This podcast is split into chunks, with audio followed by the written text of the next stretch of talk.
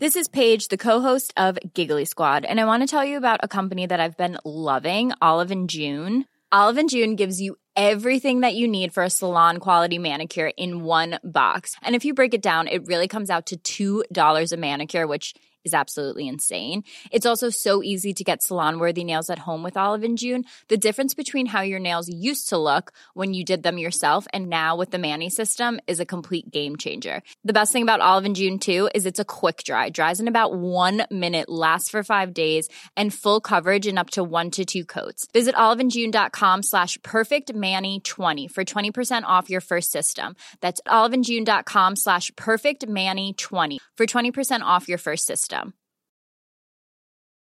Since 2013, Bombas has donated over 100 million socks, underwear, and t shirts to those facing homelessness. If we counted those on air, this ad would last over 1,157 days. But if we counted the time it takes to make a donation possible, it would take just a few clicks. Because every time you make a purchase, Bombas donates an item to someone who needs it.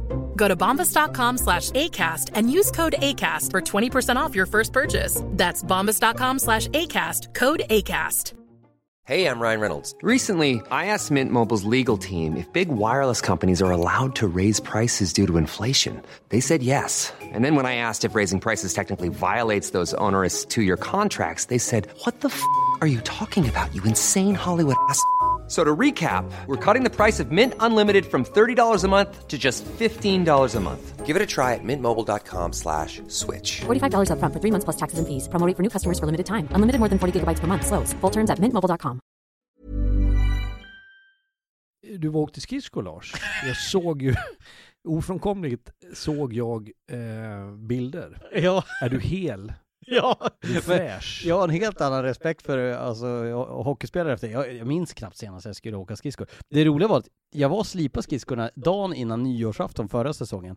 Men eh, då blev jag utringd, eh, ringde våran bokningsansvarig ringde och frågade Du kan du åka till Oskarshamn ikväll? Jag bara, jag är i Umeå, det blir jätte, jättelångt och jättebesvärligt. De bara, ja men kan du åka till Leksand istället då?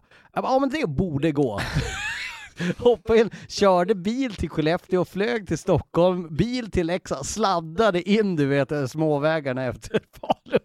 Och så fick jag mig fram till arenan, jag tror jag sprang in, då stod Patrik Zackrisson han stått och väntat alldeles för länge på att jag skulle göra intervjun inför matchen. Men han var förstående att jag hade haft det stressigt, så det blev inga åka skridskor. Men jag fick åka skridskor igår. Ja, och plötsligt blev du ju så, du var så här väldigt ödmjuk inför hockeyspelares Ja, jobb.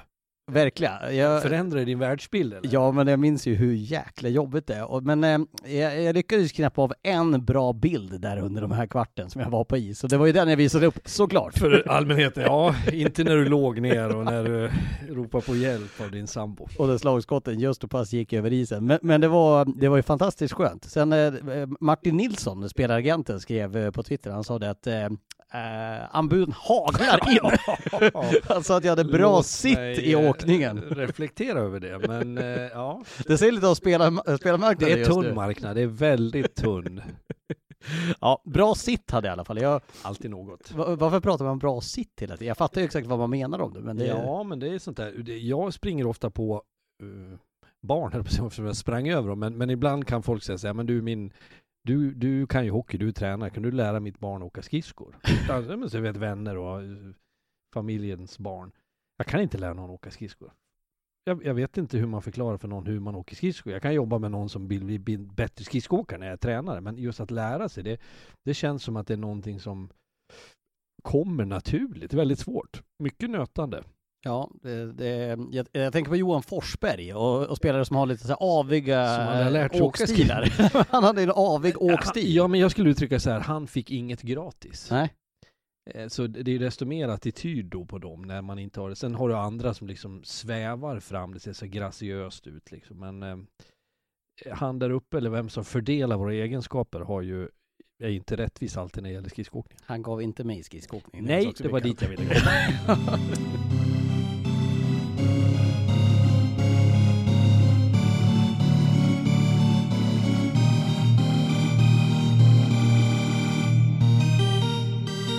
just nu i eh, ett konferensrum i Umeå där vi eh, har sett ikväll, vi spelar ju alltså in onsdag kväll eh, och jag har just sett Björklöven mot AIK, eh, en hockeymatch som vi kommer till så småningom, men det är framförallt den stora grejen idag. Hockeysverige öppnar upp eh, hela det, det känns som att på något sätt livet är tillbaka. Det, det är jättefånigt att säga när det egentligen bara är två månader sedan vi faktiskt hade de ungefär restriktionerna som är nu, det vill säga i princip inga. Det positiva, liksom eh, inskjutandet av eh, positivism, hopp och, och glädje som eh, känns stort idag. Ja men det är för att vi också har uh, vant oss eller liksom levt med det alla tider. Det är ju så, det, det hör liksom ihop. Och jag har sagt det vid något tillfälle i någon sändning att det är ju uh, först när man saknar, man saknar inte kon förrän båset är tomt finns det något talesätt. Och uh, hockey och all idrott är ju egentligen en, en den här kombinationen av Eh, publiken som är där, funktionärerna, vakterna, de som sitter i biljettluckan, spelarna på isen, tränarna i båset, domarna. Alltså allt det där hör ihop. Det är det paketet som är idrott på något sätt. Och när det har ryckts ifrån oss så har vi insett hur ruskigt tråkigt det har varit. Ja, eh, jag, jag, man ska vara helt ärlig nu när vi kommer tillbaka. Jag satt och såg en, en SHL-match som jag kommenterade själv och då får man ju liksom gräva själv efter energin och om man har mycket kollegor som jobbar bakom kameran. Eh, jag kommenterade Timrå och Växjö. Man försökte få den här entusiasmen för matchen. Växjö kommer dit med tre ordinarie backar och man märker att eh, efter matchen så har de förlorat med en 0-3. Timrå tar tre jätteviktiga poäng och det är verkligen eh, väldigt viktiga poäng för dem. Men Växjö på något sätt ser ju ändå ja men på något sätt har de eh, duckat för kulan. De har klarat sig igenom det där att spela en match med tre ordinarie backar och det är helt dött på läktaren, det är väl 500 pers där. Mm. Och då tänkte man så här, för en månad sedan såg man Björklöven, Modo med, ja. Eh, alltså det var ju slutsålt varenda biljett och då, då minns man ju att det här är ju ovärdigt jämfört med den ja, sporten. Det är, det. det är inte den sporten som jag Nej. blev kär i. Och sen tror jag också man eh, pratar inte nog mycket om hur det faktiskt påverkar både spelet och spelarna. De, ja, spelet, de... Eh, spelet är ju det som verkligen syns. Alltså ja, det men och det kommer ju att spelarna inte får den här energin som man faktiskt eh, stimuleras av och du retas av motstånd. Alltså, jag hade eh, spelare som, som kunde säga, jag lärde mig genom en spelare, nu kommer jag inte ihåg vem det var, men som sa en gång, det, visst är det underbart att vinna på hemmaplan inför fansen, men ibland är det nästan lika skönt att vinna borta så att det blir tyst. Och just det där att du kan liksom knäppa borta publiken, för det är ju ett spel.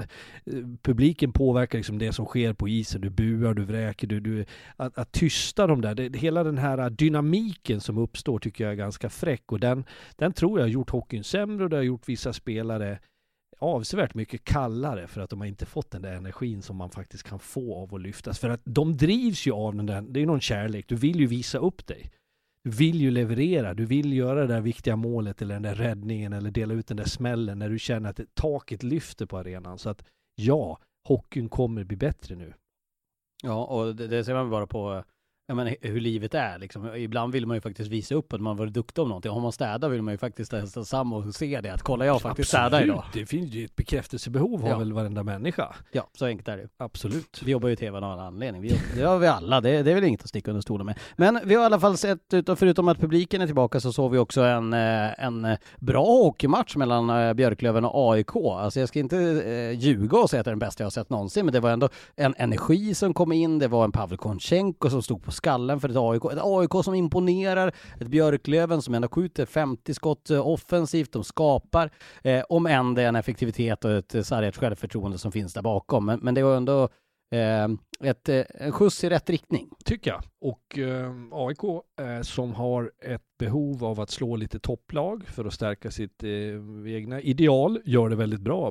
Mycket bortasmarta, bra värderingar. Man är ute som tränare så så står jag ofta och bedömer eh, folks, eh, ja men lagens och spelarnas förmåga att, att eh, välja att ta rätt beslut kring linjerna i hemgångar, i egen zon med puck och det tyckte jag AIK eh, gjorde väldigt bra idag mot ett Björklöven som inte alls gör någon dålig match men det finns ju hela tiden en känsla av att man kan kräva lite mer av Björklöven och därav kanske den situation de befinner sig i. Ja, och vi kan väl komma till Björklöven så småningom, men jag tänker att vi börjar med AIK för att, eh, jag menar vi konstaterar inför matchen att AIK vunnit åtta av de 12 senaste. Eh, nu förlorade de förvisso någon match här eh, mot Björklöven för en vecka sedan och så, men men det är ett AIK som har smygit med. Alltså jag menar, de har ju gått på smällar under säsongen, det ska man vara tydlig med. Men att Deilert borta, han har inte spelat sedan den där matchen mot HV i, vad var det, november. Eh, de har Anton Holm inte med som var tilltänkt att vara kanske lagets bästa målskytt. Men de, de har förstärkt med spelare eh, som har adderat någonting. Men jag tänker inte minst på Semjonov som ju, eh, fort, vi kommer till den där powerplay-varianten som det känns som att du var inne på i sändningen, att alla lag måste ju ha koll på den här snart. Men de adderar spelare som, eh, som tillför någonting. De har unga spännande spelare, de har mycket rutin och eh, tydliga ledare i laget, en fantastisk målvakt och som jag sa, Semjonov, så de här som kommer eh, Mm. underifrån. från Jag tror inte. AIK har fuskat. Jag tror att AIK har jobbat väldigt konsekvent och med tålamod. Jag var lite rädd för, jag har inte verkat i AIK, jag vet bara att det är en väldigt stor och anrik förening. Sen kanske fotbollen är det som är allra störst, men hockeyn har sitt. Att det skulle finnas krafter som kanske skulle lägga sig i. Man har Malm som en ny ung grön sportchef, Anton Blomqvist tränare. Man, man gör ju ett nybygge och då, då ska man också ha lite tålamod. Men jag hade fel i, i den tror jag. Det känns som att det varit relativt stabilt och då har man fått kunna gnugga på och det kommer att kunna betala sig. Så fortsätter AIK ta de här kliven nu, man går mot ett slutspel där man skulle kunna slå sig in till en kvart, så tror jag att AIK kan vara en, en, en eh, dark horse. Vi, vi ska dock tillägga en, en grej som vi, vi nämnde i sändningen idag, men eh, och jag vet att du inte går, går fullt lika mycket på det här som jag gör. Och det, det, måste vi, ser, vi ser ju saker olika ibland. Men faktum var ju att inför idag så hade ju inte AIK, de hade inte tagit en enda poäng av topp 4-lag. De hade vunnit två matcher mot topp 6-motstånd på hela säsongen, när vi närmar oss 40 matcher. Eh, och det säger ju också, de ligger just utanför topp 6, och då, då kommer Fredrik och säger ja det är därför de ligger där de ligger. Eh, men Ja. det säger ju ändå någonting tycker jag, och nu får du väl säga hur otroligt dum eh, spaning det är, men de hade ju faktiskt inte slagit ett enda topp 4-lag, inte tagit en poäng, två segrar mot topp 6 på 17 matcher, medan de vunnit 17 av 21 mot lagen från plats 7 och neråt. Tycker du, du, du låter som om ni är partiledardebatt. Ja, men måste ju försvara mig först, för jag ser att du laddar Giljotinen är laddad, Nej, lägg men mig på Lars, stubben. du har eh, en klar poäng i det du säger. Det som jag tyckte var liksom, jo men det är ju därför de ligger där de ligger. För mig var det kanske, jag var lite enklare i min slutsats. Däremot så delar jag din uppfattning fullt och helt att den här segern man har mot Björklöven på bortaplan, på sättet man vinner, eh, man utför 60 minuter bra med, som jag var inne på nyss, smartness och jag tycker det fanns må- många bra saker, så tror jag att det övertygar dem själva om att kolla vi kan ju. Och det är en jätteviktig egenskap att bära med in mot ett, ett eh, slutspel. För jag kallar det slutspel även de här eh, Åttondelsfinalen, ja. exakt. Eh, vi, vi kan väl ta Komchenko till att börja med. Jag menar, hur bra är karln? Jag menar, idag fick han ju gå av. Han gick ju av och stod bredvid. Vi stod i båset.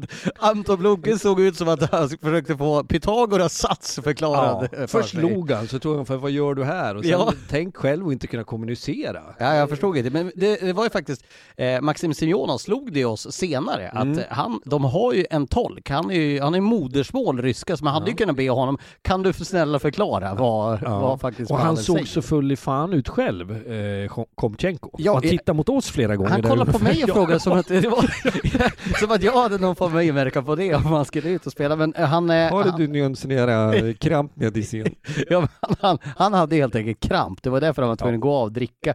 Sen försökte han smuggla med en vattenflaska till också, det fick han ju inte. Nej, Eh. det, jag tycker det är lite, eh, alltså, vad ska jag inte kalla det, modigt, men eh, det vet man ju att målvakterna sliter ju hårt och varmt. Nu var ju publik tillbaka. Plötsligt- otroligt mycket vätska. Ja, men då, då blir det lite högre temperatur i hallen och du jobbar hårt och han var liksom ansatt av Löven som låg på. Eh, men att då ta det där beslutet och inte bara kliva ut och säga det är över, utan han drack ju liksom två kubik när han stod där.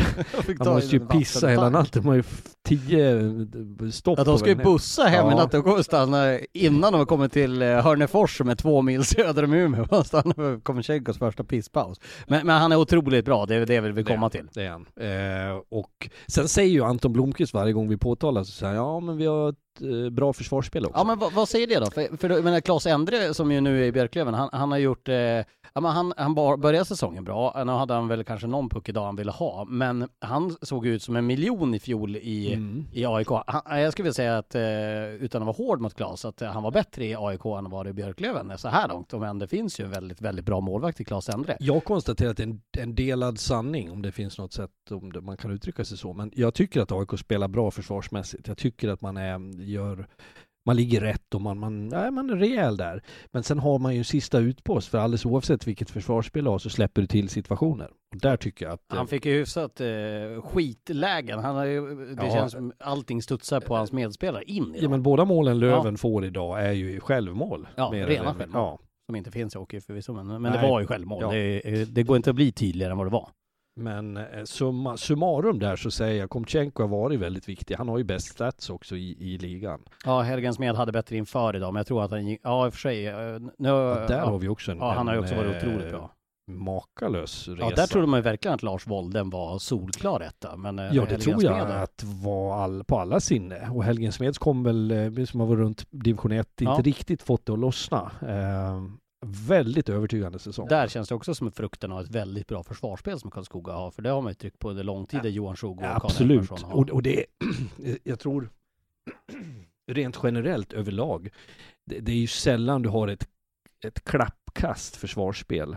Eh, och en superbra målvakt. Nej, utan det, det går ju lite hand i hand. Men just den här förmågan tycker jag att göra Eh, de här avgörande räddningarna som, som de bästa målvakterna. Jag såg Troja Västerås häromdagen, när Troja och powerplay i slutet på matchen och skapar några jättebra möjligheter.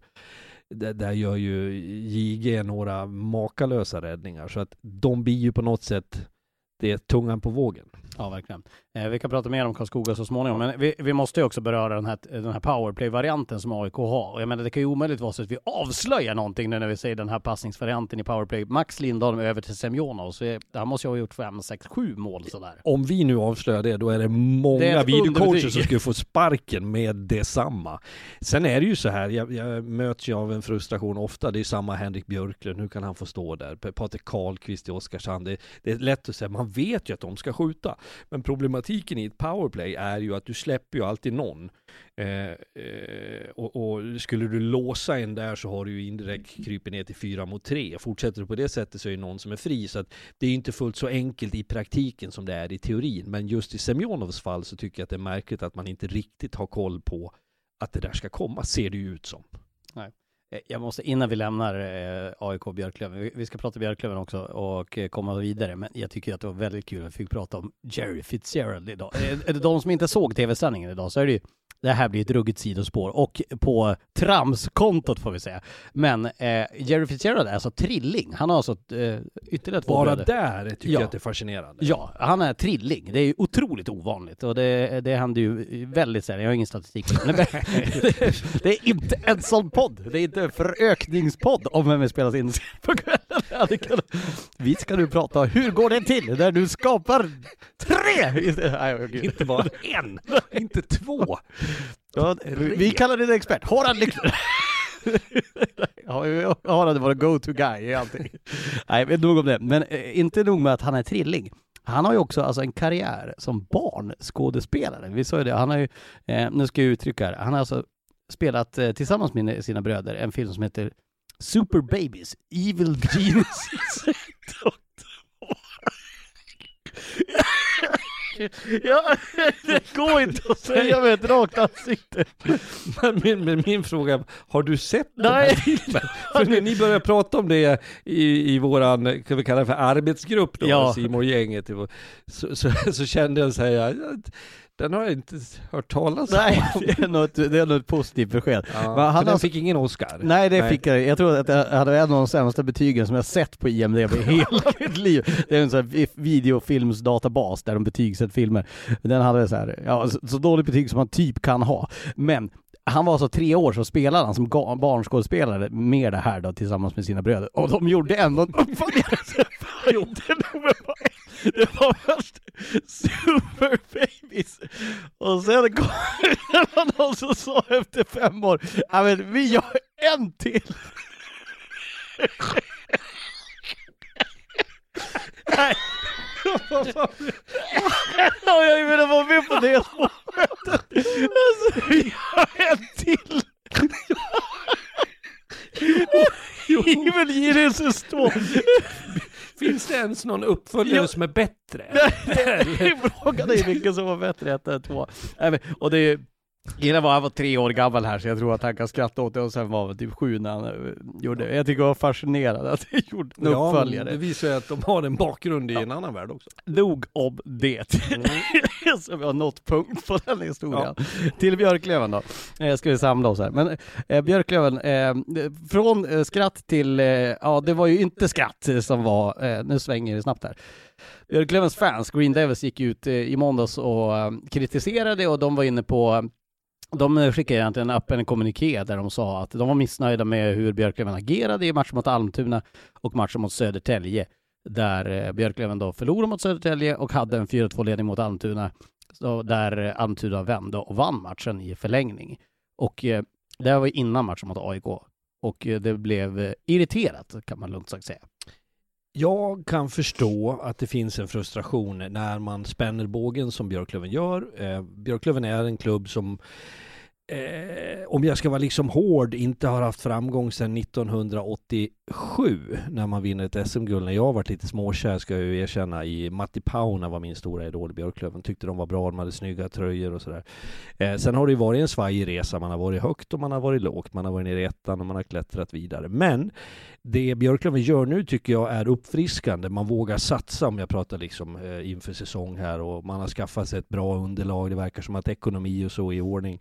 Så det finns någonting trovärdigt över det Björklöven gör. Det enda som kommer med det som man då behöver leva med det är att kravbilden ökar. Måste prestera. Eh, och det tycker ju uppenbarligen inte supportrar att man gör på rätt sätt. Och det är ju det som har väckt eh, kritik. Det, det ska ju också sägas att Björklöven har en historik av att de har haft eh, det kämpigt. Jag menar, de blev ju tvångsnedflyttade i division 1 för någon massa år sedan med tack vare att ekonomin var körd i botten. Eh, man har sen då kravlat sig tillbaka. De har två raka år fallit på målsnöret i SHL. Första året var det inställt när de, ja men de hade ju, de slog ju rekord i svensk hockey i antal poäng i grundserien och var ju helt överlägsna i grundserien. Sen vart det en finalserie mot Modo där Adam Tambellini blev skadad i den andra matchen när Modo eh, eh vann ju första, Björklöven vann den andra. Tambellini skadad och det var ett, eh, ja, en finalserie som vi aldrig fick se slutet på, inte ett kval heller där Oskarshamn och Leksand ju klarade sig undan att behöva spela det kvalet. Eh, det ska ju också sägas att eh, det har varit kämpiga tider i Umeå där de har börjat få se en medgångsvåg nu under Per Kente, Anders Blomberg, vdn, eh, som har växt framåt, där de har ett spännande lag på pappret och haft det i flera år. Och som du säger, kravbilden har ju skruvats upp ordentligt. Kravet är ju inte för Björklöven längre att gå till slutspel. Kravet för Björklöven är ju, som de själva säger, de ska gå upp och då ändras ju kravbilden. Sen är det ju inte kris. Alltså jag menar visst, Nej. de är fyra i tabellen. Det är inte kris. Nej. Men det det är, är att det är ett powerplay som ser eh, svagt ut, eh, sett till prestation och sett till effektivitet. Och de har ett spel som har sett eh, oengagerat ut mot lagen längre ner i tabellen framför allt. De har ju varit bra mot topplagen. Men Jo. det är ju det som gör att eh, frustrationen kommer, att det är liksom när andra lag, HV åker och hämtar tre poäng, så gör inte Björklöven det på samma sätt. Nej, och eh, det jag märker också när man, när vi pratar med tränare och så intervjun, hur, hur eh, Hans Wallson resonerar på ett lite annat sätt. Han försöker avdramatisera och det, det kanske man gör i egenskap av tränare. Jag vet själv att jag har varit liksom under prövningar där man tycker att man eh, försöker ändå se det positiva i det. Men jag tror inte man ska värja för problematiken riktigt. Och det som vi var inne på under sändningen och som jag kan förtydliga här och nu är att jag tycker att, vi ska komma ihåg en sak först. Björklöven har 11 utländska spelare. Sju nordamerikaner, man har tre finska spelare och man har en norrman. Det är ett stort antal och problematiken med det kan vara, för det här, jag har haft så pass många importer genom åren så jag vet hur de eh, fungerar, i synnerhet nordamerikaner. Många av dem är fantastiska att ha att göra med, men det förutsätter också att de går bra. De, de är inte här för att de ska uppleva landet och besöka fina platser och må bra. De är här för att leverera och prestera. Kravbilden kommer från klubben, från supportrar, men de vill också ha en hög position. Och jag upplever när vi diskuterar istid, alltså time on ice, speltiden på, på, på Björklövens nordamerikaner, att här tycker jag att man har fel. Man har fem man som, som är under 15 minuter av de här nordamerikanerna, eller fyra kanske. Uh, och det är ju då, innebär ju då att du är en tredje, fjärde linaspelare, vilket kommer in på nästa resonemang. Som, som eh, Per Kente svarar i intervju med dig, som Hans Wallson säger till mig. Vi har byggt laget med fyra bra femmor. Jag ser en stor utmaning i det. Jag ser svårigheter med det. Och, och, du har ju varit inne på det, eh, vi kan ju komma till den slutsatsen med det. Men det har ju också att göra med, nu har ju Alex Hutchins utanför laget, Tyler Nanny som ju har kommit in i Björklöven, var också utanför laget idag. Man säger att det är av konkurrensskäl och Alex Hutchins är ju rakt av petad idag helt enkelt. Eh, och vi pratar ju med en hel del röster som är runt omkring i arenan och det har ju ifrågasatts, det inte, nu säger jag inte att Alex Hutchins är boven i dramat utan jag säger bara det att det har varit eh, ifrågasättande från fansen gällande inställning. Och jag tror inte att folk åker till en match för att ha dålig inställning. Det tror jag ingen tror, utan det handlar väl helt enkelt om att göra det lilla extra. Och det är väl också en grej som hör ihop med publiken, att man, man behöver de där extra procenten, för det är inte att åka till Talmtuna som kämpar för sitt liv och bara hämta tre poäng. Nej, och jag tror så här, det kan man tycka vad man vill om, men men de här nordamerikanerna eller de som ska vara stjärnor i hockey generellt har kanske ett större behov av den stimulansen du får av publik och tajta, täta, tuffa matcher. Men det som, som jag jag blir liksom lite förtjust av är ju, det är ju andra spelare i Björklöven som jag tycker liksom har varit väldigt rejäla under säsongen och som har gjort mycket som har varit bra. Som jag tycker att, jag menar, William Eriksson till exempel, en sån spelare som gnuggar och kör alldeles oavsett om det är publik eller inte, om det är Almtuna eller HV man möter. Eh, Axel Ottosson har jag tjatat om förut som jag tycker gör samma sak. Och de visar ju alltid en karaktär och jag tror att det som man som supporter, det är någonting jag har lärt mig och som jag, jag har pratat mycket om att eh, med mina spelare i laget jag tränat, vi, vi ska alltid kunna liksom maxa vår prestation. Sen om vi har en sämre dag, men vi ska alltid ge vårt 100% för idag. För när folk går ut till bilarna eller till cykeln efter match eller de slår av tvn, så ska de känna att fan, det var torsk. Jag förstår att man är besviken, men man ska ändå kunna känna att de gav allt de hade. Det fanns liksom en attityd, de blockar skott, de är snabba i bytet till båset. De, de här små signalerna som för mig som tränar som tränare liksom visar att du har karaktären. Det saknar jag på vissa händer och fötter. Eh, vi ska säga till det positiva kontot också idag att eh, VT Vainio är tillbaka och han eh, ser ju under stunder ut som en rund miljon. Alltså just det här, han pauseringsfinter, han håller i pucken. Han har ju knappt spelat på hela säsongen. Där har de ju, det är ju ett nyförvärv rakt av. För eh, han spelar sex matcher i början av säsongen. Sen har han ju varit skadad eh, i princip hela säsongen och varav nu Eh, när han kommer in i powerplay så ser du att där har de ju verkligen en första backen back som är i topp i den här ligan. Så det finns ju på det positiva kontot. Sen tycker jag när Olle Liss gör det där målet, det ser man ju på honom. Efter det så ser han ut som att han är bäst i ligan. Jag menar, han mm. dribblar, spelar, han är livsfarlig i varje skott som kommer. Och får de igång honom också, de har ju liksom ett sparkapital som kommer. Så det, det finns ju säkert en ljus vår om, eh, kring Björklöven. Eh, och, men det, det har ju också jag hörde ihop med att sådana spelare ska börja prestera. Vetevaino har ju inte kunnat prestera, han har varit skadad såklart. Eh, nej, Vainio tycker jag också ser bra ut. Eh, uppträder med pondus, det gillar jag. han har liksom, det finns en beslutsamhet i hans spel. Sen det här med självförtroende tycker jag också är en intressant aspekt för att Björklöven ligger fyra i serien. Björklöven har fina förutsättningar i mångt och mycket. Hur ska spelarna då som är i Södertälje i Troja eller vad det nu månde vara för lag. Du kan liksom, jag förstår att det kan vara pressen som stör lite grann för Björklöven-spelarna men det borde inte vara en, en, en liksom bortförklaring åtminstone i Björklöven att, att man liksom inte har självförtroende. Sen kan det vara in, enskilda individer. Olle Liss är en sån som behöver göra mål. Ja. Och när han gör ett skitmål idag som vi får kalla det ja. så är ju han en meter längre sen. När de plockar keepen på slutet. Han bombar och skjuter med ryggen till nästan. Han ser ju livsfarlig ut i allt han gör. Så att visst behöver de få upp det. Det kan vara en förklaring till, till powerplay. Att man inte liksom känner sig... Fast jag köper ändå inte det. Nu går jag emot mig själv. Lät som mm. någon debattör. Men jag debatterar med mig själv just nu. Men man är mest effektiv av alla lag i ligan. Man gör flest, har gjort flest mål. Mm. Eh, men man har ett väldigt svagt powerplay. Jag menar att det kommer ur en otydlig arbetsfördelning. Man har för många att välja på och för få som är givna. För ett bra powerplay bygger på att det ska vara ett antal spelare som, med undantag för någon som åker ur, att det ska finnas en konkurrens. Men du, du ska omöjligt kunna ha 20 spelare som slåss om powerplay. Nej. Och det, då, då kommer vi in på det där att det är för många kockar som ja, ska bestämma ja. vem som ska röra Och jag tror att det behöver vara ännu tydligare, både ledarskapet i, i, i, i båset och på isen. Vem gör vad? Ta de rollerna, fördela dem. Du vi kan inte ha alla människor spela powerplay. Eh, det ska också sägas eh, eh, kring Björklöven, som vi var inne på statistiken, vi kan bara dra den om, om man inte har sett det i sändning eller, eller i sociala medier. Det är ju så att Björklöven har sett till både Hockeyallsvenskan och SHL näst bäst effektivitet, skotteffektivitet, alltså eh, flest skott av de som man skjuter mot mål som går i mål, förutom Modo i svensk elithockey, i spel 5 mot 5.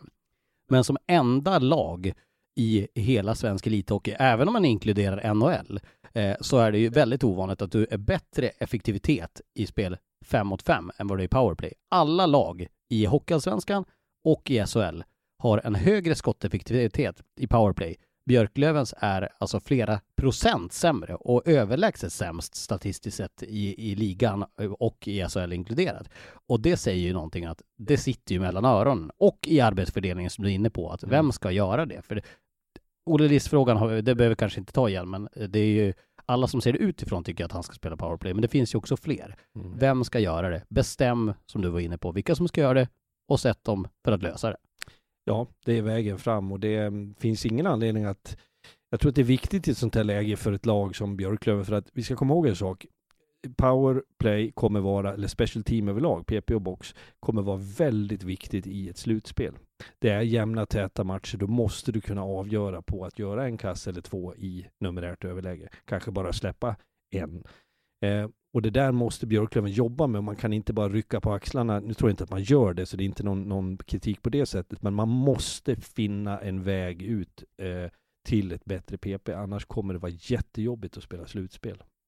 Eh, har vi satt punkt på den eh, matchserien så kan vi gå Det vidare vi. till eh, övriga lag. Vi, eh, vi var inne på Karlskoga lite kort där, men vi måste gärna be- beröra hur stabila de är. De eh, tar en ny seger idag, 4-0 mot Mora som har känts vara på G. De nollar Persson, Ljunggren och Måns Karlsson som har varit stekheta den senaste tiden och tar ytterligare kliv. Nu eh, trea med ganska god marginal till Björklöven. Det skiljer nio poäng mellan eh, trean Karlskoga och ner till fyran Björklöven.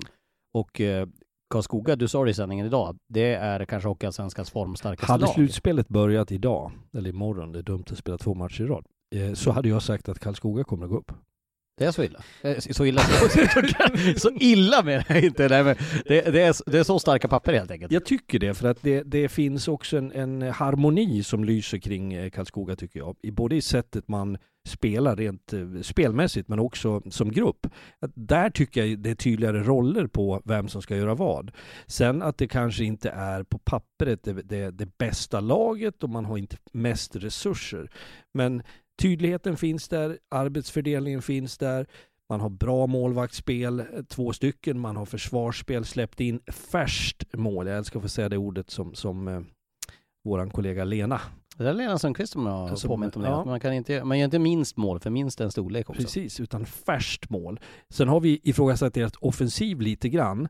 Eh, men då har man plötsligt börjat vinna matcher och man gör mål. Vi pratar om att några skulle ta rygg på Björklund och Lilja till exempel. Och Franzén gjorde två mål den här senaste matchen. Så att Björklöven, eh, höll jag på att säga nu, BIK Karlskoga menar jag givetvis, Exakt. har en eh, väldigt positiv trend just nu. Och som du var inne på, en full, fullständigt stekhet målvakt i, i Helgens med. Ja, och då så vet vi att Volden är bra. Eh, verkligen. så att den, den, eh, nej, Karlskoga sitter bra till just nu. Eh, och sen är det ju liksom något speciellt att vara så hela den här, det har vi, kan vi ha ett helt avsnitt att prata om, så här, liksom attityden och det som finns runt Karlskoga. Tänk det där när publiken får släppas på. Jag har varit där så många gånger. Inte minst med Oskarshamn och spela matcher och fått uppleva alltså, saker och ting. Jag vet att i en kvalserie, eller kommer du ihåg att det fanns något som hette förkvalserie? Ja, det var länge sedan. Ehm, så kom vi dit, vi var rökta, vi var liksom körda, vi kunde inte ta oss vidare till kvalserien. Uh, Medan Karlskoga ledde den. Vi åker till Karlskoga, vinner den matchen, trots att det var betydelselöst för oss. Eh, vilket gjorde att, om jag tänker rätt nu, det var då Örebro gick upp. Örebro vann eh, och kunde på så sätt ta sig upp vidare sen och, och gick upp. Eh, och alltså det, folk är ju på ett sånt vansinnigt vackert sätt fullständigt galna runt matcherna där. Eh, det här lite mentaliteten som är mer på landet. Jag som är lantis själv vet liksom vad det betyder. Bli uppriktigt, det är några promille i kroppen. Och du vet att vi hade en intervju efter det var vi har satt med Gide och Lenny Eriksson tränade Karlskoga. Och vi står i den där intervjun och jag får någon fråga, liksom jag kände att jag skulle vara lite respektfull mot, mot Lenny där. Så kommer det någon rusandes ner och vrålar på den härligaste av dialekt ett könsord som bara skar rätt in. Så mitt i meningen fick jag liksom stanna upp, sen gick den här iväg. Det var inte mer med det, det var liksom inget hotfullt utan det bara kom ur honom. Eh, så vi jag tittade på, på Gide och så fick jag liksom eh, vidimerat av honom att ja, han skrek faktiskt så. Så att för mig är det lite grann Karlskoga att, att det, det sker saker och ting och de backar upp sitt lag på ett, på ett eh, jädra härligt sätt. Så att det ska man också sätta på Karlskogas fördelskonto. Det, sen har de ju den här långsidig ståplatsläktaren där i betong och Mm. när det börjar skallra och det är fullsatt där inne. Det, det är ju knappt att jag minns hur det var för det var ingen publik i fjol. Men Nej, det är ju men det- otroligt när det väl är fullt där. Då är det ett jädra drag där inne. Och, och på, på, på, på tal om det. De gillar ju inte Örebro för fem öre i Nej, Karlskoga. jag vet. Jag var på en golftävling som sagt i Karlskoga i somras. Det var bollen innan mig så körde de bara hata, hata, hata Örebro i golfboll. Jag tänkte det är ju på golfbanan. Jag har väl ingenting med det här att göra. Jag, jag tänker så här, det, det, många, det finns ju en saying liksom i hockeyn att ingen gillar Karlskoga. Men jag tror inte Karlskoga gillar någon i sin tur. Nej. Alltså så det, det, Det är de det är ganska trivsamma med det där. Och de har ju hittat en, snacka om att ha en identitet i hockeyns värld. Ja, verkligen. Det, det är väl kanske, jag höll på att snudd säga att det kanske är den tydligaste identiteten vi har i hockey-Sverige är väl Karlskoga. Ja, toppgäng åtminstone. Jag har, inte svårt att, jag har svårt nu att släppa, liksom släpa fram ett, ett alternativ. Jag kommer inte på någon som så här eh, direkt du säger lagnamnet, att man, man förknippar den med någonting. Att eh, Nej. ett lag som så tydligt står för någonting som Karlskoga gör. Däremot tycker jag inte att de längre står för det som var griseri. Nej, det finns ju finspel. Jag vet att man hade någon presentation ett år, eh, det var när Termell var tränare där. Eh, Så skulle varje lag presenteras med en så här cool video. Då var jag i Oskarshamn, vi hade Håkan Juholt som stod och pratade. Alltså partiledaren? Ja, alltså, tänkta statsministern Ja, som exakt. fick avgå. Han, han hade några fina ord. Håkan och jag är lite tjenis ska du veta. Är ni tjenis, du och ja, Håkan ja, Juholt? jag, jag har varit med i ett lokalt eh, quiz, kan det vara På spåret, typ i ett köpcenter. Jag och Håkan Juholt. Håkan Juholt och Ja, det är lite mer. Han är ambassadör i Sydafrika numera. Vi lever lite olika liv. Men... Eh, Jag vill höra mer om det där. Ja. Vad, var det för köpcentrum? Eh, Flanaden, dödens väntrum kallas det. Det är väldigt mycket, väldigt mycket äldre människor som ligger mitt i Oskarshamn och där hade vi en, det var ridtränaren, typ tennistränaren i stan och jag och Håkan Juholt och någon mer lokal celebritet. Håkan var lite över oss andra ska jag säga. Man men- skulle vilja klippa in det live. Ja, hur fan kom vi in på Håkan Juholt? Nej, Jo, de här presentationsvideorna, det det Ja. jag skulle säga. Då hade Karlskoga gjort en där eh, Termell och, eh, nu står det still, Frölundas tränaren, hans kollega Näslund, Näslund. Kristoffer. Eh, de eh, hade ju en video där, jag- beskriver videon kort, googla den om den finns på nät eller på, på Youtube eller någonting. Men då, då kommer de in i omklädningsrummet, ska ha genomgång och så är det inga spelare där. Och så säger Termell typ, ah jag vet vad de är. Då åker de alltså ut till en bondgård, öppnar dörren in i en svinstia där det springer runt en massa grisar och bökar och så, nu kör vi grabbar, typ något så, alltså fantastisk eh, drift med sig själv. Eh, ironin när den är som allra vackrast. Verkligen. Eh, så, nej de är bra. Ja, verkligen. Eh, vi hyllar Karlskoga för deras prestation. Eh, nu hade ju Mora en tyngre kväll ikväll, eh, men vi kan väl ta Mora också som var motståndet där. De har ju också känt som att de har varit på gång ett tag och de har ju snackat om att ha den tydligaste första kedjan som man kanske kan hitta i Hockeyallsvenskan med Måns Karlsson, Daniel Ljunggren och eh, eh, Johan Persson. De, Måns eh, Karlsson gjorde fem poäng en match i Ja. förra veckan, var ju helt fantastisk. De nollas ju alltså idag. Many of us have those stubborn pounds that seem impossible to lose, no matter how good we eat or how hard we work out. My solution is PlushCare. PlushCare is a leading telehealth provider with doctors who are there for you day and night to partner with you in your weight loss journey. They can prescribe FDA-approved weight loss medications like Wagovi and Zepbound for those who qualify. Plus, they accept most insurance plans. To get started, visit plushcare.com slash weight loss. That's plushcare.com slash weight loss. Hey there, it's Michelle Norris. I'm host of a podcast called Your Mama's Kitchen. When I travel, I'm usually looking for a way to find a taste of home when I'm not at home. And one of the things I love to do when I am at home is entertain. And Airbnb allows me to do that. When I was in California recently, I rented a house that had a great kitchen. And when we were sitting around the table, we're all thinking, we're in someone else's house. Someone could be in all of our homes as well. If you have a home, but you're not always at home, you have an Airbnb. Your home might be worth more than you think. Find out how much at airbnb.com/slash host. Wow. Nice. Yeah. What you're hearing are the sounds of people everywhere putting on Bombas socks, underwear, and t-shirts made from absurdly soft materials that feel like plush clouds. Yeah, that plush. And the best part? For every item you purchase, Bombas donates another to someone facing homelessness. Bombas. Big comfort for everyone. Go to bombas.com slash ACAST and use code ACAST for 20% off your first purchase. That's bombas.com slash ACAST. Code ACAST. Och... Ja, och det kanske tyder på att Karlskoga är, är bra mer än att Mora eh, skulle vara dåliga. Nu har inte vi sett den matchen. Men jag tycker också att Mora gör det bra. Samma sak där, jag var inne på lite med AIK. Jag tycker man har haft ett ganska bra tålamod i, i Mora. Eh, Johan Hedberg och Örjan Lindmark har liksom varit väldigt konsekventa och avslappnade, förhållit sig till vinster på ett liksom mindre dramatiskt sätt och, och hanterat besvärligheter och förluster med liksom klokskap eh, och jobbar för någonting. Så jag tycker att jag kategoriserar dem lite grann med det vi sa om, om AIK. Att kan de ta sig in i ett slutspel så känns det som att de har lite nyckelspel. De har också ett powerplay som jag tycker känns som det mest, ska vi kalla det, Ja men de, de okej okay, nu är det PP, de här gubbarna går ut, vi sätter fart på puck, vi vet exakt vad vi ska göra. Och vi gör det gång efter annan och man levererar.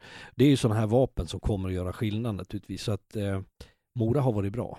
Eh, de ligger ju i ingenmansland, AIK och Mora. Det har länge varit ingenmansland, men det är ju faktiskt bara sex poäng från Mora och eh, AIK upp till Västerås som är sexa. Om en av Västerås någon match mindre spelad, men ändå så jagar de ju verkligen där just bakom. Det gör de och äh, även om de inte skulle nå hela vägen fram så tror jag att det kommer kunna vara ett bra, alltså ingen vill slida in i ett slutspel liksom, vi klarar det precis, för då är det ofta en negativ form.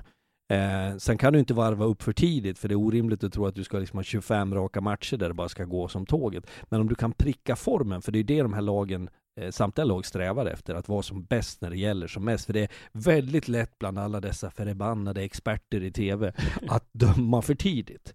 Eh, och jag är ju nu en av dem som ibland kommer på mig själv att man har lite förstånd. Du har själv stått i båsen och vet att ibland får du hantera besvärligheter. Du måste kunna förlora matcher utan att det liksom brakar ihop. Så att jag tycker att lagen eh, som AIK, som Mora och som några till som kommer att Västervik. Lyfta, ja, Västervik har ju sämre form mm. eh, och det känns som att de, jag ska inte säga att de eh, säljer av. Ja, men det finns ju, de har ju gjort det. Ja. Eh, och det kan ju vara rimligt såklart att göra det. Men, men eh, kan, du, kan du liksom lyfta lite nu så har du mycket vunnet. Emil Jörsson var ute också och sa det att de hade ju tackat nej till bud på spelare. Nu, nu var det ju dessutom så att eh, eh inför dagens match så saknades det ju vissa ledande spelare i, i Västervik, vilket såklart gör att det spär på eh, ryktena då, om det ska vara så att Modo har köpt loss en ersättare till, eh, till Modig som har kommit in från då möjligt eh, Västervik. För de har ju, även om Emil Göransson säger att de har tackat nej till spelare, så har de ändå öppnat den dörren i eh, försäljning av Miles Powell. Och det gör det ju så att då blir man ju konspiratorisk direkt man ser att de saknar spelare. Nu var det ju så att Skyler McKenzie spelade inte idag. Eh, jag stämde av med en rapport eh, från Västervik inför dagens match och hörde ingenting om att han inte skulle spela. Det har inte, när vi spelar in det här, det kan ju ha hänt någonting när ni lyssnar här, men Eh, det är ju lätt att bli konspiratorisk att han ska någon annanstans också. Ja absolut. Där har ju du, du är ju mer journalist. Du är ju journalist, det är ju inte jag. Jag ja, utger mig inte för att vara någon journalist heller. Jag är en lallare som är med och tycker till lite. Men, men du har ju en näsa för det där på ett annat sätt eh, än, vad jag har. Eh, och du satt ju och spekulerade i i förra podden? Ja, då sa jag att ju, det var ett alternativ där. Ja, det känns ju som att du börjar liksom agera lite sportchef här. Nej, nej, nej, fördela nej. spelare. Men så kan det ju naturligtvis vara, men jag väntar tills att det är bekräftat. Men för mig, Västervik, Eh, alltså, de har ju gjort en, tycker jag, överraskande bra säsong ändå så här långt. Men jag tror inte att de är nöjda. Jag tror inte att spelare, ledare tycker liksom att men nu har vi klarat oss och vi ligger hyfsat till. Utan de kommer naturligtvis också jobba på det. Jag tycker att det finns en hel del liksom, spets när de är på humör. En sån som Viktor Öhman hävdar jag fortfarande, när han vaknar på rätt sida och solen står i på rätt plats och livet leker. Då är Månen, han månen är paritet ja, med Då är han förbannat bra. Eh, de förlorade idag, eh, idag när vi spelar, vi säger onsdag då, alltså Västervik-Kristianstad 3-7. Eh, de vann ändå skottet med 36-19. Vi ska ju se det, vi har inte sett den här matchen, men vi har ju sett eh, höjdpunkter från den och, och lite sammankopplade eh, röster från eh, de som har sett den här matchen och vi har även sett highlights. Kristianstad imponerar med, med 7-3 seger där. det var ju en puck som ju verkligen slog ner i veckan. Jag var och kommenterade Växjö mot Malmö i eh, lördags tillsammans med Staffan Kronvall. Och eh, då hade ju fortfarande Kristianstad lånat ut Rickard Olsén. Nu är han tillbaka i Kristianstad, men istället har man då släppt Amil Krupic som förra säsongen var i AIK, som har gått till Växjö för resten av säsongen. Man har lånat ut honom som jag förstått det och hoppas på att eh, han ska vara tillbaka till nästa säsong. Eh, och där är ju samma sak. Det skickar ju också, om än, det finns säkert en bra förklaring i Kristianstad varför man väljer att släppa Amir Krupic och det kanske finns en väg till att bli ett ännu bättre hockeylag utan Amir Krupic. Men det skickar också lite signaler sådär att, eh, som utomstående så undrar man varför släpper man en ledande back mitt under säsongen till ett SHL-lag? Om du ställer frågan så ska jag också säga att du gav svaret Ja. nyss. Eh, och jag menar i den eh, på så vis att, att eh, det, det kan, det som ibland är, alltså vi diskuterar det här med Modigs till exempel, eh, som lämnade Modo, så var det många som reagerade. Det blir ju liksom anmärkningsvärt. Timing och sånt som Ja, när det kommer. Men, men som, eh, om jag pratar som tränare för en kort stund igen så, så, så har det hänt och det, det kommer att ske igen där det som för andras ögon kan uppfattas som märkligt är inte så dramatiskt. Eh, och att det kanske ibland är nödvändigt att gå skilda vägar för att man har inte fullt samma syn eller man är inte fullt anpassad i spelet eller gruppen eller vad det nu kan vara. Så att jag tror att det är svårt att få den fulla sanna bilden av det. Jag tänker att man får förlita sig på att de inte gör någonting, åtminstone inte med ont uppsåt. Nej. Eh, jag vill backa bandet lite grann till eh, en vecka tillbaka. Vi var ju och såg eh, HV71 mot Västerås där. Vi ska komma in på HV71 i det här också. Som ju idag hade tillbaka både David Ullström och Simon Önnerud i en, en nykomponerad kedja tillsammans med Måns Lindbäck. Vi kommer till HV alldeles strax. Men det jag slogs av var ett litet orosmoln kring Västerås IK. Nu fick man förvisso Eh, Wikman klev av, William Wikman, han var inte med, han spelade ju bara en period i princip. Anton Svensson spelade bara några minuter innan han fick den här smällen från David Ullström och klev av. Sen eh, saknar man också Jimmy Jansson, den viktiga backen som är ju eh, både en ledare i, laget, eh, lagkapten och dessutom en stor ledare i gruppen som vi vet. Men eh, Västerås, ah, jag fick lite orosmoln när jag stod och såg i Västerås. Västerås är ett lag som har ju en förkärlek att börja fokusera väldigt, väldigt mycket på annat än ishockey när det går lite emot. Västerås eh, är, har tagit kliv tycker jag eh, under säsongen som eh, jag mm, ser som nödvändiga om man ska liksom vara med bra i ett slutspel. Jag tycker man har hittat en, ett sätt att föra sig rent eh, spelmässigt. Jag tycker man har bra eh, intentioner i det offensiva, man har hög fart i sitt spel. Jag tycker man skapar möjligheter. Det, det, det, det hockeymässiga, ja. Man har också spelare som har börjat producera och leverera, som ligger i poängtopp. Eh, inte bara liksom, ja men de är med i absoluta toppen. Men jag håller med dig, någonting är det som, som inte stämmer alla gånger. Jag tycker att man tappar fokus. Jag tyckte i den matchen ehm, när det vart lite mer intensivt så tyckte jag att HV vann den striden. Det mentala spelet också. Ja, de fick, de fick ju Västerås att fokusera på annat än matchen. Det blev väldigt mycket domslut, det var väldigt mycket ja, men munhuggningar mot andra spelare och där kanske ledande spelare i Västerås munhuggs väldigt mycket med spelare i HV71 som uppenbarligen var ute efter bara egentligen få dem att störa sig på det och inte fokusera på sin ishockey. Rollfördelning som vi pratar så mycket Verkligen. om. Det, det Och kan man plocka bort stjärnorna i, i ett lag så har man ju vunnit. Om det är liksom genom att använda välvalda, eller om vi ska kalla mindre välvalda ord. Sen höjer det till sporten, det händer överallt. Men det är viktigt, jag, jag konstaterar så här, om Västerås ska ha en, en fin vår och ett bra slutspel så, så behöver de, eh, de kan inte vara varannan damernas, höll jag på att säga, ett gammalt uttryck, utan man måste vara bra dag efter dag efter dag, match efter match och inte bara liksom eh, ha någon, någon uppstuds ibland och sen falla ihop. Nu har de väl börjat lite grann också. De har ju splittrat kedjorna. Till exempel i, i den här matchen nu senaste mot Västervik, eh, nej mot Troja i tisdags menar jag såklart, eh, så spelar man ju Frycklund tillsammans med Alexander Lundsjö och Mattias From. Splittat på Frycklund och Zetterberg. Zetterberg spelar andra kedjan med Mikael Hakkarainen, den finska centern som har kommit in, och Bergman då. Så man håller ihop Zetterberg och Marcus Bergman. Sen eh, Isak Skedung då, utan William Wikman, de har ju hållit ihop sen J16 höll jag på att säga. I, de är ju fostrade i Leksand båda två och hållit ihop länge. Med Anton Svensson och Filip Wiberg då, junioren som har kommit fram där. Men eh, ah, eh, Västerås ligger sexa. Vi har sett topparna där, de är jättehöga, verkligen hur höga som helst. De har en fantastisk målvakt i Johan Gustafsson. Ryttare fick vinna match här i veckan också. Men eh, det är, eh, ja men lite varningsklockor fick jag se i fredags. Jag tycker också mentaliteten eh, påminner om Björklövens. Alltså då menar jag hela, hela auran i och runt klubben. Man har spänt musklerna lite, man har tagit sats, man har eh, spetsat laget och man vill vara med och tävla på allvar.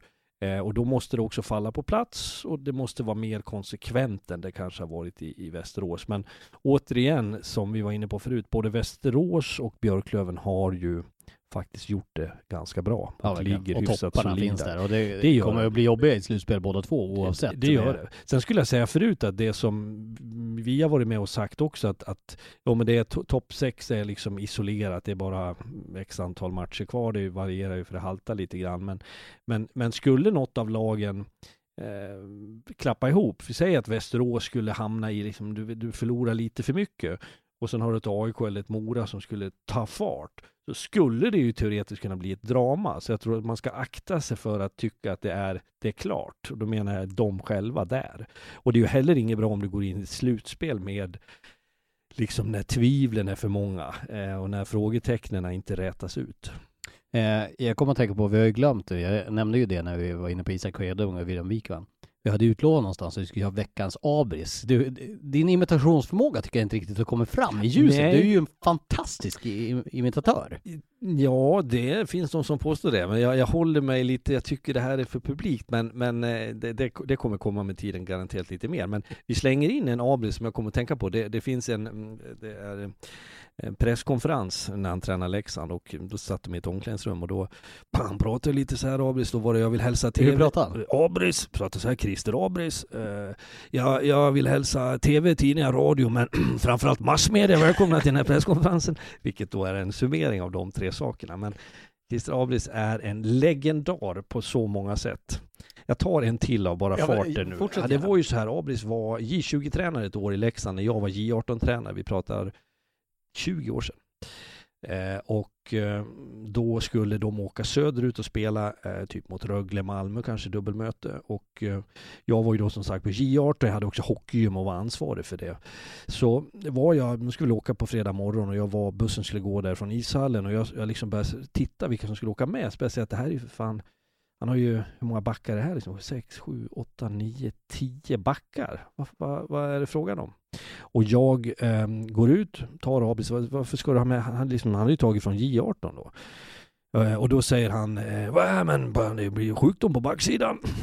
ja, så vad är det då? Ja, men du vet både eh, Per, Arne och kocken är sjuka så jag måste ha extra gubbar med. Och då hör till saken att eh, det fanns en kille som hette Per Andersson. Han hette eh, Arne i andra namn och han gick hotell och restaurang. Så då hade vi liksom grabbarna sagt i omklädningsrummet, ja du har väl hört att, att eh, Per är sjuk? Ja, Arne är sjuk var någon sa och kocken kallas han också. Så han, han tror att det är tre man som är sjuk när det, när det i själva verket är en man som är sjuk. Varpå han svarar med henne, så du kan inte åka med de här då? Ja, de får lära sig åka buss. Så jag hade några äventyr med Christer eh, och en fantastisk man. Men eh, så, så de var tio man på den där bussen ner till Ängelholm och Malmö. De fick lära sig åka buss, de fick inte ens byta om. Men så var det med det. Ja, eh, vi återkommer gärna till Chris- Christer. Abres. Vad har, vad har du med för imitationer? Har du någon så här som du kan slänga ut bara rakt upp och ner? Nej, För att göra en, en cliffhanger så har jag Torgny Bendelin är jag jättebra på. Denna eh, legendariska tränare som var eh, i HV71 AIK Leksand eh, från Gotland. Men, men vi spar den som en liksom... Den Och hålla folk på halster? Japp. Lyssna på femte avsnittet av Ringside. Finns också nu på sociala medier. Där. Klicka, nu låter det som Nile City. Jag ska också tillägga att det finns en SHL-tränare idag som jag och han, eh, vi imiterade, och det sånt här är ju lite, som tränare så vet man att spelarna kan väldigt lätt driva med sina tränare. Det är som chefen på jobbet. Du, du, liksom, om du använder samma ord eller du, du, du uttrycker det på vissa sätt. Sådär. Men jag och den här, vi namnger inte honom nu, vi eh, imiterade våra två gemensamma tränare på en julfest vet jag som junior. Och jag hade sam- dåligt samvete ett tag för det där när jag började bli vuxen. Att gjorde, det var inga dumma saker om dem, men vi liksom pratade precis som dem. Jag tror till och med vi satte på oss likadana kläder som de hade. Men nu när jag själv är äldre och är tränare så vet jag att det hör liksom till. Det får man faktiskt bjuda på. Jag sa det. Eh, vi eh, ska hoppa in. Vi har tänkt att vi ska försöka väva in lite mer tittarfrågor också. Det är ju, vi har ju varit väldigt, väldigt, väldigt dåliga på det. Och Ja. den enkla förklaringen är att vi har surrat för mycket så att det Ja. hade blivit eh, Av någon anledning så kan vi prata. Ja, ibland i alla fall. Eh, Det kan ju hända att det, det, det sker. Men det ska ju också säga att vi vill väva in mer frågor. Vi vill att ni ska känna er mer inkluderade, ni som lyssnar. För eh, det är ju kul, eh, det är ju många som hör av sig. Det är kul att ni får göra er röst hörda. Så vi kommer till lite tittarfrågor. Ti- Jag säger tittarfrågor, jag är ju dum i huvudet. Det är ju Välkommen lyssnare. till, eh, vad heter det här, Café Umeå? Vad heter det? God kväll. God kväll. Ja. Jag tänker vi måste ha lite mod och Södertälje också. Vi ska försöka att eh, eh, summera så snabbt som möjligt. Men HV71 eh, sätter ihop en, en väldigt spetskedja idag. David Ullström tillsammans med Simon Önnerud och eh, Måns Lindbäck. Det känns ju som en väldigt spännande kedja. Vinner med 8-2 mot Vita Hästen idag, så någon form av statement får vi ändå säga att eh, HV71 satte ner i onsdags då, eh, för er som lyssnar på det här fredag eller framledes. Jag vill ju tro att HV71 också har varit väldigt metodiska i sitt sätt att leva och träna på och vara på. De har en plan som de eh, på något sätt verkligen har följt och det kan innebära att du kommer till perioder när du har tränat intensivt eller korrigerat någonting. Eh, så att jag tycker inte det har varit så dramatiskt kring HV71. Förr har man kanske sett mer av lag som har trillat ur, att det kommer eh, som riktiga shitstorms under en säsong. Det tycker inte jag riktigt. Sen Sen följer inte jag kanske vad supportrar och så alltid tycker och tänker eller läser sånt. Så jag gissar att kritiken finns där för man förväntar, vi satt ju efter matchen vi, vi satt i, på Scandic-lobbyn där ja, i med Simon Elmia. och tog en öl efter matchen i fredags och då smyger det ju fram folk. Ja, vare det sig var vi en vill som inte. ville lätta sina han åsikter. Man kan ju på- enkelt säga att han var, han var hyfsat kritisk till HV71 Det kan vi säga och jag försökte ju liksom lätta upp det hela genom att säga ja men det ser väl ändå rätt okej ut. Man leder ju liksom serien men jag, jag hade inte mycket till, alltså han tyckte jag var helt ute och segla. Det såg ut jag trodde nästan han skulle dra på den smäll Ja. när du sa att det, men det ser väl ändå ganska bra Han var ju helt vansinnig. Han var det. Och då tänker jag också så här ibland, det, det, det, det sker ju mig och oss eh, att, att folk liksom söker upp oss i offentliga miljöer. Mm. Eh, för då tänker man att det där är någon jag känner igen. Nej men det är ju dem. Mm. Det är ju dem på TV. Och så kommer man fram och så vill man prata hockey och väldigt många är väldigt vänliga så det, är ju- det är ju inget problem. Men den här mannen var rosenrasande över framförallt powerplayet. Ja, han, han hade väl, eh, jag misstänker att han hade någon under i västen, att han kanske hade haft en trevlig fredagkväll. Vi ska inte spekulera allt för mycket Nej. om det, men eh, det säger ju lite grann också om vad fans upplever. Vi ser att HV71 som leder tabellen och visst, de har haft sina prövningar om att de är utmanade och att det kommer att bli säkert kämpigt när vi kommer till ett slutspel. Men eh, han, han såg ju ingen morgondag i princip. Han Nej, trodde det- att eh, livet var slut och att HV71 skulle aldrig med, de skulle ha ett mörrum nästa säsong. Ja, och det som var problemet för honom det var, jag vet inte varför han hade sån skräck, kommer du ihåg vilka han sa, får vi dem, då är vi körda.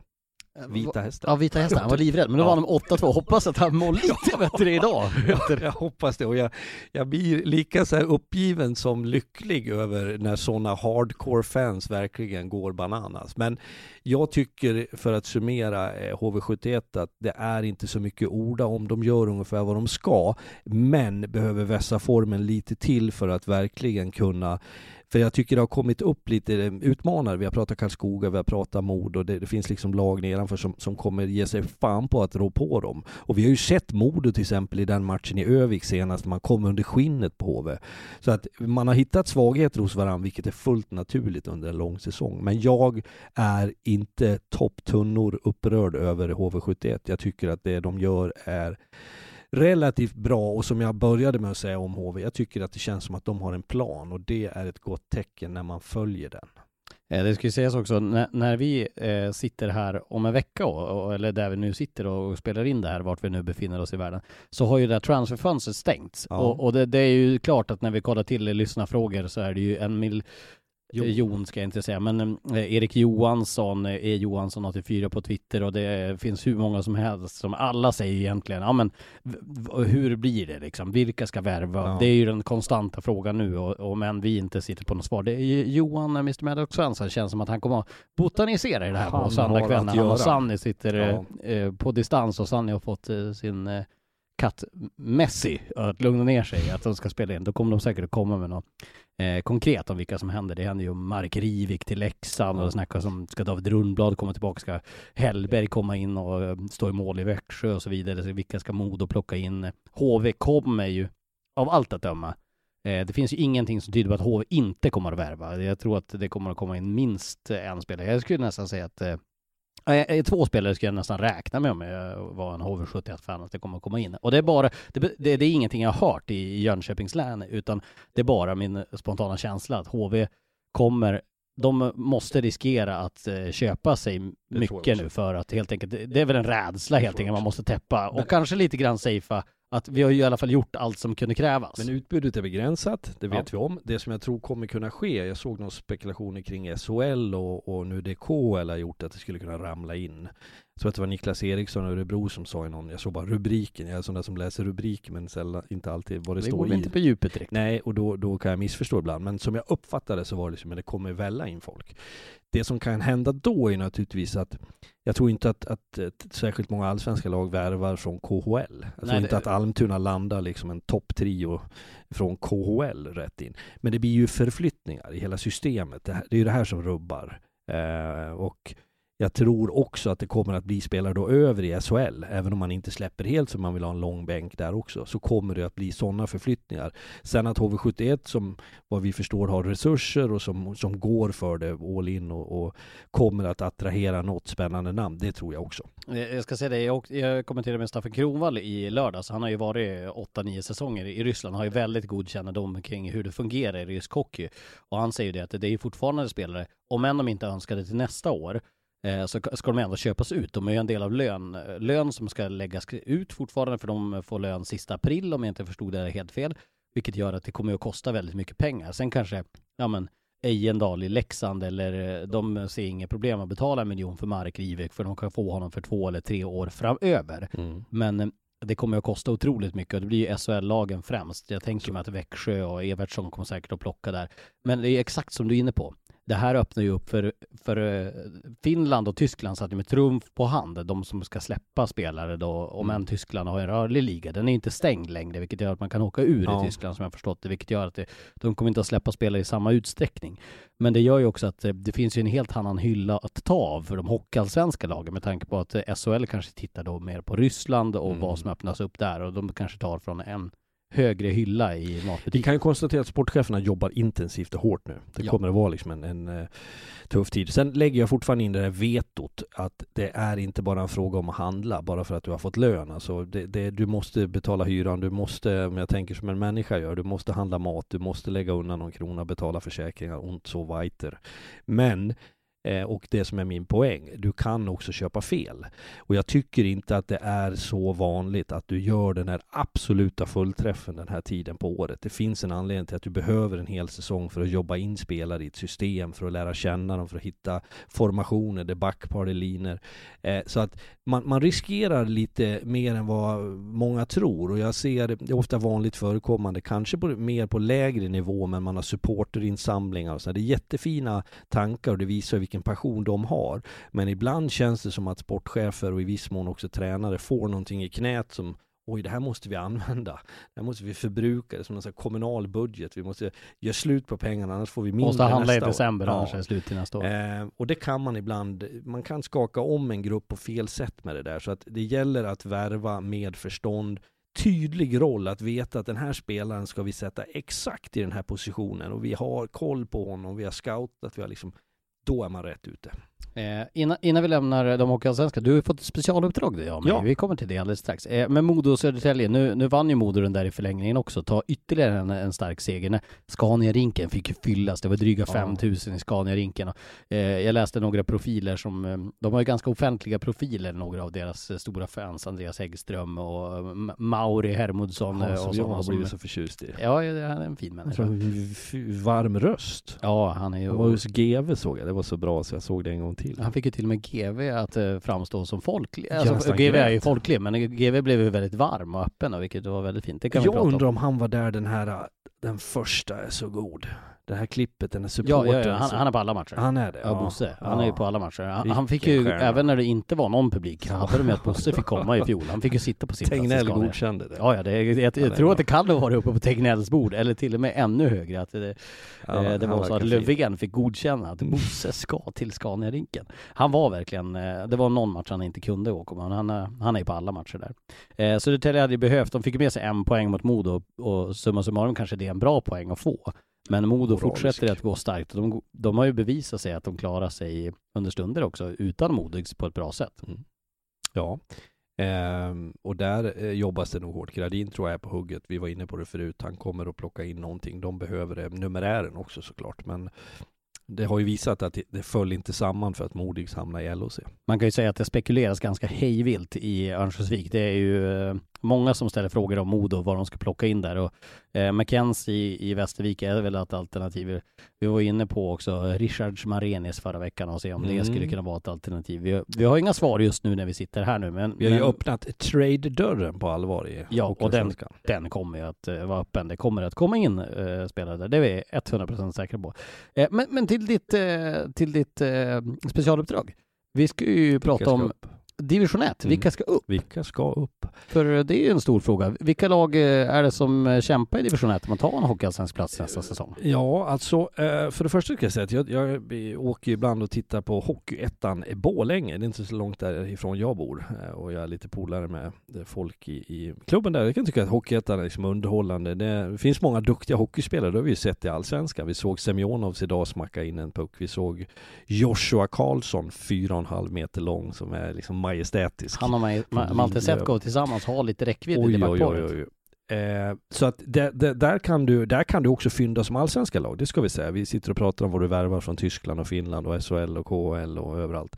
Det går ju att fynda därifrån också. Det tror jag det kommer åka upp några Hockeyettan-spelare till allsvenskan. Men de som slåss för att gå upp, jag, jag följer inte Hockeyettan så att jag ser matcher kontinuerligt, men grundat på när jag surrar lite grann med hockeyfolk som befinner sig där i, i Hockeyettan så, så är det väl några lag som sticker ut. Jag skulle säga egentligen eh, om, om jag ska säga två, eh, två stycken eh, verkliga utmanare som jag, jag, tror, jag, tror, jag tror att det kommer vara något av de två lagen, så är det Hudiksvall och det är Nybro.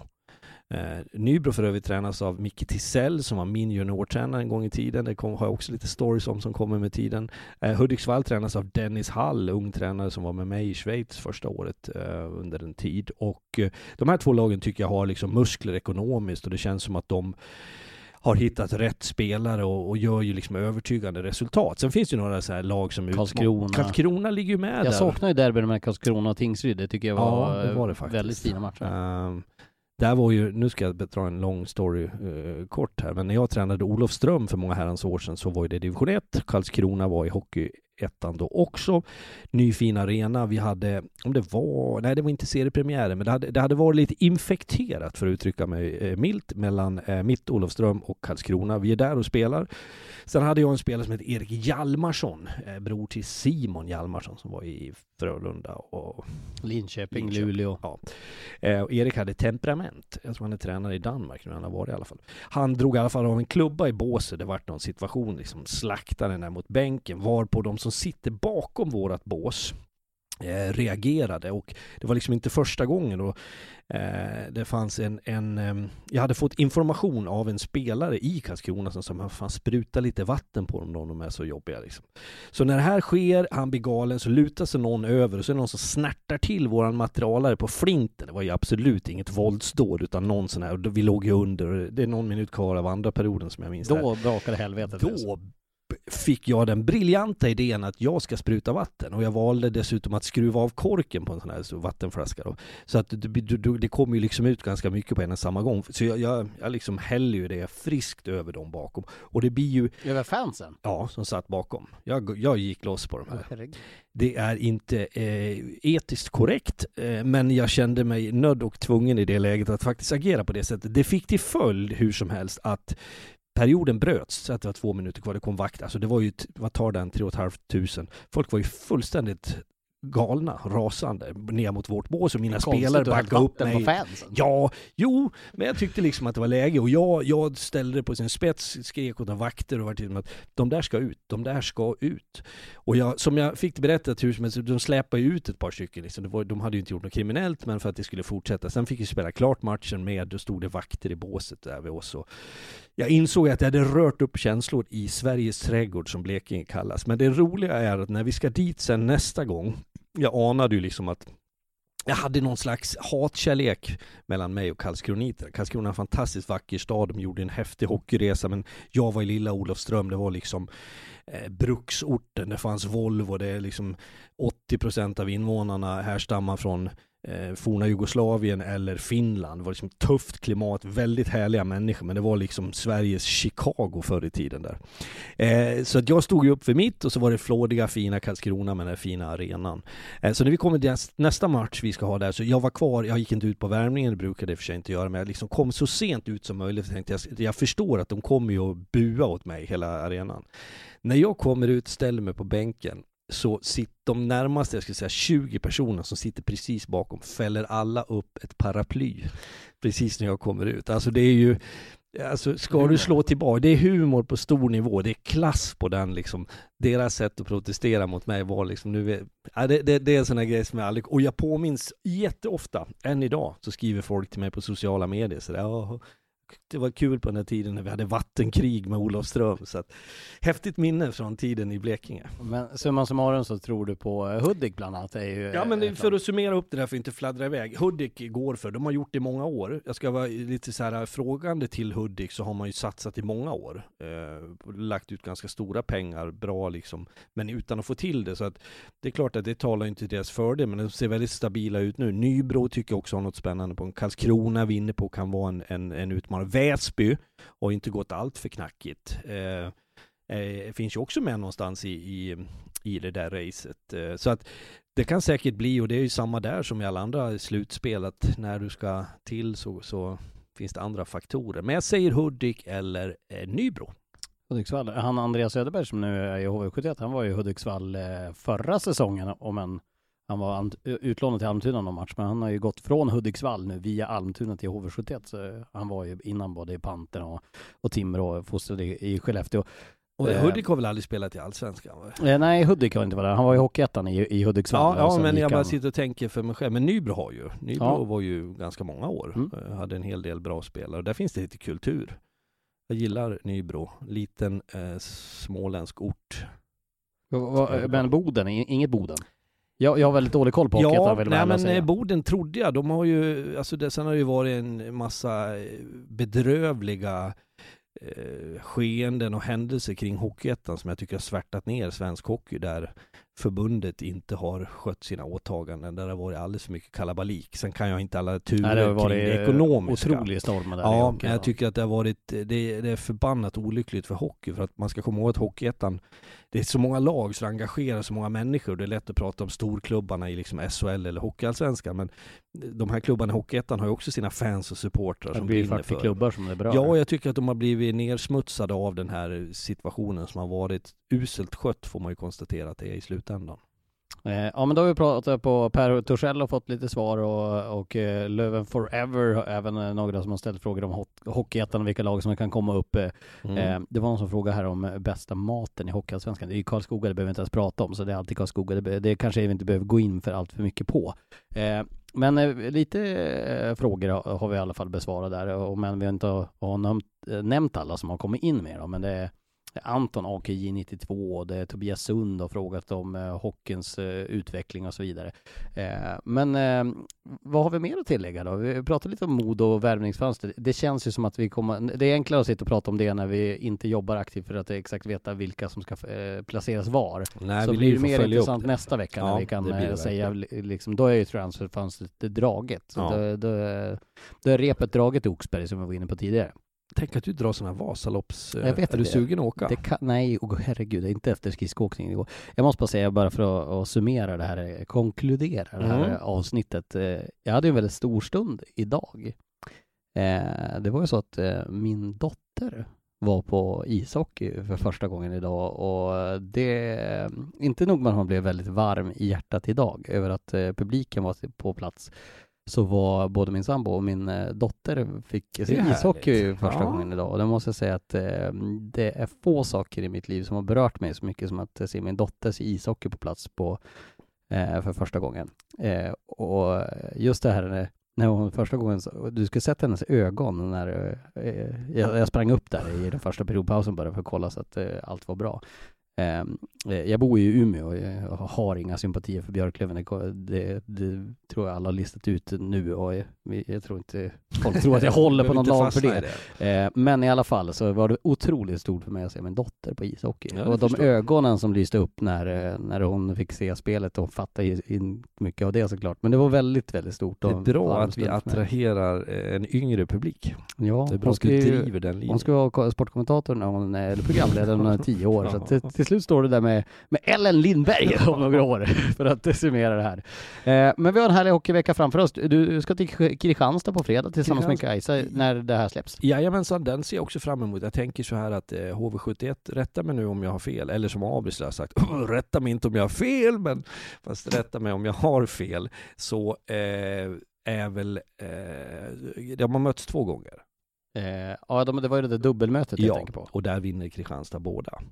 Eh, HV ska alltså åka ner och för första gången försöka slå Kristianstad. Vi är i, i mitten av februari. Det är ju liksom en, en spännande utmaning. Plus att de här fighterna, att det ställs på sin spets lite så. Det, det, det skruvas ju upp lite för varje omgång som går. Så att, sen rullar ju det här på. Vi ska ju jobba hårt. Det är ju en lång härlig hockeyvår. Så att det, det är, ja, vi ser fram emot eh, de matcherna och det som komma skall efter det. Ja, och med det så säger vi, vi summerar det här avsnittet med att säga att eh, vill ni nå oss så kan ni nå oss på Twitter eller Instagram. Vi har ju ett eh, konto nu för podden, Ringside Podd, som ni kan tagga in om ni vill. Som eh, du ansvarar för. Det Ja, det bra. är i, det har blivit så. Ja, Vi hörde om din hö högtalarsladd här senast, men det har ju funkat Gör bra med med bravur. Ja, det, det nöjer vi oss med. Eh, tack för att ni har lyssnat, hoppas ni har haft en trevlig dag så ses vi inom kort i en hockeyrink nära er igen. Ta hand om er. Hej med er.